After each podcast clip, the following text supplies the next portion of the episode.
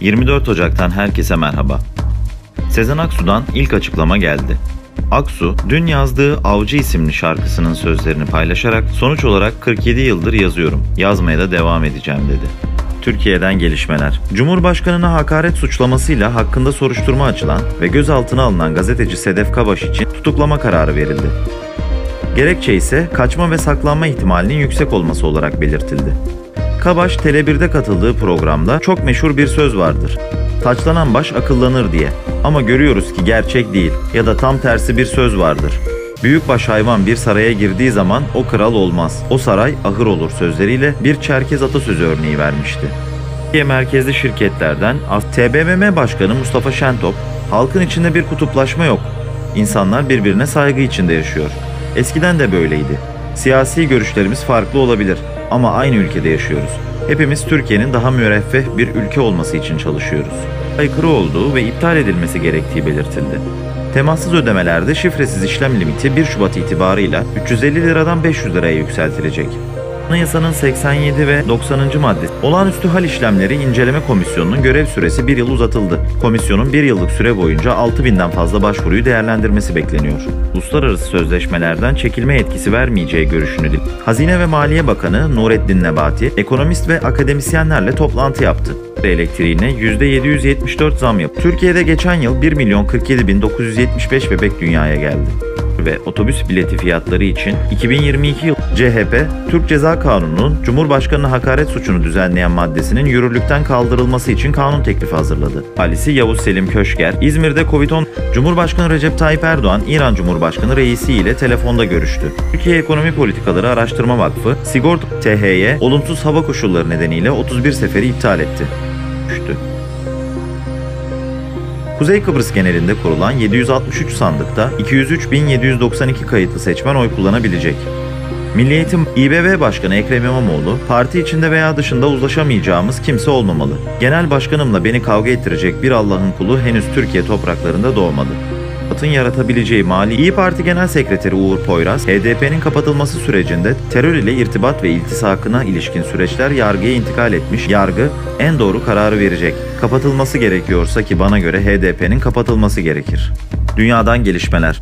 Avusturya parlamentosunun alt kanadı Ulusal Konsey, Covid-19 aşısını zorunlu kılan yasa tasarısını onayladı. Tasarının parlamentonun üst kanadı olan Federal Konsey'in de onayı sonrası yasalaşması ve Cumhurbaşkanı Alexander Van der Bellen'in imzasıyla 1 Şubat'ta yürürlüğe girmesi bekleniyor.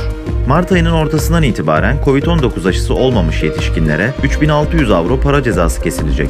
Aşı zorunluluğunun 2024 yılının Ocak ayına kadar yürürlükte kalması bekleniyor. Hükümet aşı olmamış insanların aşı olmalarını teşvik etmek amacıyla 1,4 milyar avroluk bütçe ayırdı. ABD ve Rusya Dışişleri Bakanları bugün Cenevre'de görüştü. Rusya Dışişleri Bakanı Sergey Lavrov'un biz hiçbir zaman Ukrayna'ya saldıracağız demedik ifadeleri dikkat çekti.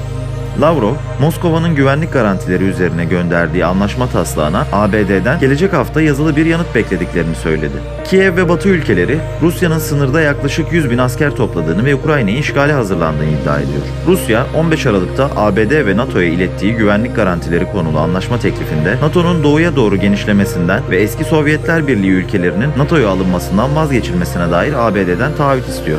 Rusya Dışişleri Bakanlığı batıdan istenen güvenlik garantileri arasında NATO güçlerinin Romanya ve Bulgaristan'dan çekilmesi de olduğunu belirtti.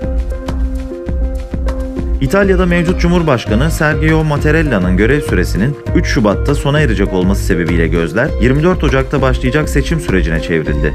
Anadolu Ajansı, İtalya'daki Cumhurbaşkanı seçim sürecine siyasi kulislerdeki muhtemel aday ve senaryoları derledi. Rusya Dışişleri Bakanlığı, Moskova, ABD'den güvenlik garantilerinin yanıtı yerine asılsız suçlamalar aldı açıklamasını yaptı. Bakanlık ayrıca olimpiyatlar öncesinde ABD ve Ukrayna'dan provokasyonlar beklediklerini de açıklamıştı. Antony Blinken ise ülkesinin diplomasiye önem vermeye devam ettiğini ancak Moskova'nın kapsamlı saldırganlığa başvurması halinde hızlı ve sert bir şekilde yanıt vereceklerini belirtmişti. ABD ve Rusya Dışişleri Bakanları Cenevre'de görüşmüş, Rusya Dışişleri Bakanı Sergey Lavrov'un biz hiçbir zaman Ukrayna'ya saldıracağız demedik ifadeleri dikkat çekmişti. Lavrov, Moskova'nın güvenlik garantileri üzerine gönderdiği anlaşma taslağına ABD'den gelecek hafta yazılı bir yanıt beklediklerini de söylemişti. Dünyanın en büyük mikroçip üreticisi firmalarından Intel, ABD'nin Ohio eyaletinde iki yeni çip fabrikasının inşası için 20 milyar dolardan fazla yatırım yapacağını duyurdu. Yeni üretim sitesinin geliştirilmesini desteklemek amacıyla bölgede bir yetenek hattı oluşturulması ve araştırma programlarının desteklenmesi için eğitim kurumlarıyla ortaklıklara da ilave 100 milyon dolar ayrılacağı aktarıldı. ABD'nin dünyadaki en kaliteli iş gücüne sahip olduğunu belirten ABD Başkanı Joe Biden, Intel'in yatırımı konusunda Ohio'da yapılan bu tarihi yatırım, ABD tarihinde çip üretimi konusunda yapılan en büyük yatırımdır demecini verdi. Peru hükümeti 6000 varil ham petrolün denize döküldüğü, petrol sızıntısının ardından zarar gören kıyı bölgelerde 90 günlük çevresel acil durum ilan edildiğini açıkladı. Petrol sızıntısı 15 Ocak'ta 965 bin varil ham petrol yüklü İtalya bayraklı Mare Doricum gemisinin boşaltma işlemi yaptığı sırada meydana gelmişti. Peru Çevre Bakanlığı, sızıntının yüksek biyolojik çeşitliliğe sahip deniz ekosistemi üzerinde önemli bir etkisi olduğunu açıkladı.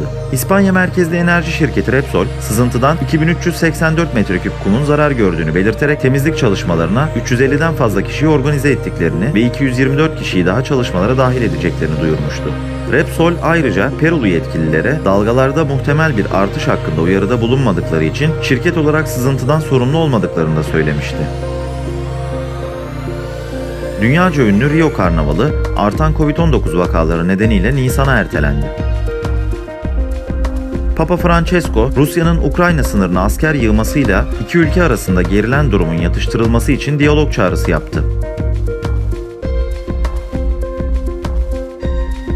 Yeni Zelanda Başbakanı Jacinda Ardern, Covid-19'un omikron varyantına yönelik kısıtlamaları duyurduktan sonra düğününü ertelediğini açıkladı.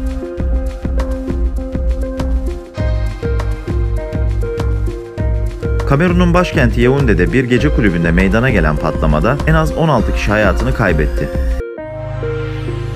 İran, 9-12 yaş arası çocuklara Covid-19 aşısı uygulanmasını onayladı. IŞİD'in Suriye'nin kuzeyinde militanlarının tutulduğu hapishaneye 4 gün önce saldırmasıyla başlayan çatışmalarda 7'si sivil en az 120 kişi hayatını kaybetti. Birçok IŞİD tutsağının kaçmayı başardığı da gelen haberler arasında. Etiyopya ordusu isyancı Tigray Halk Kurtuluş Cephesini yok edene kadar savaşmayı sürdüreceklerini ve Tigray eyaletine gireceklerini duyurdu.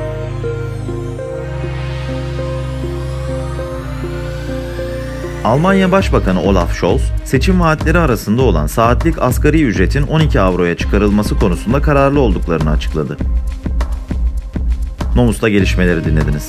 Bizlere morning.nomus.press adresi üzerinden ulaşabilirsiniz. Hoşçakalın.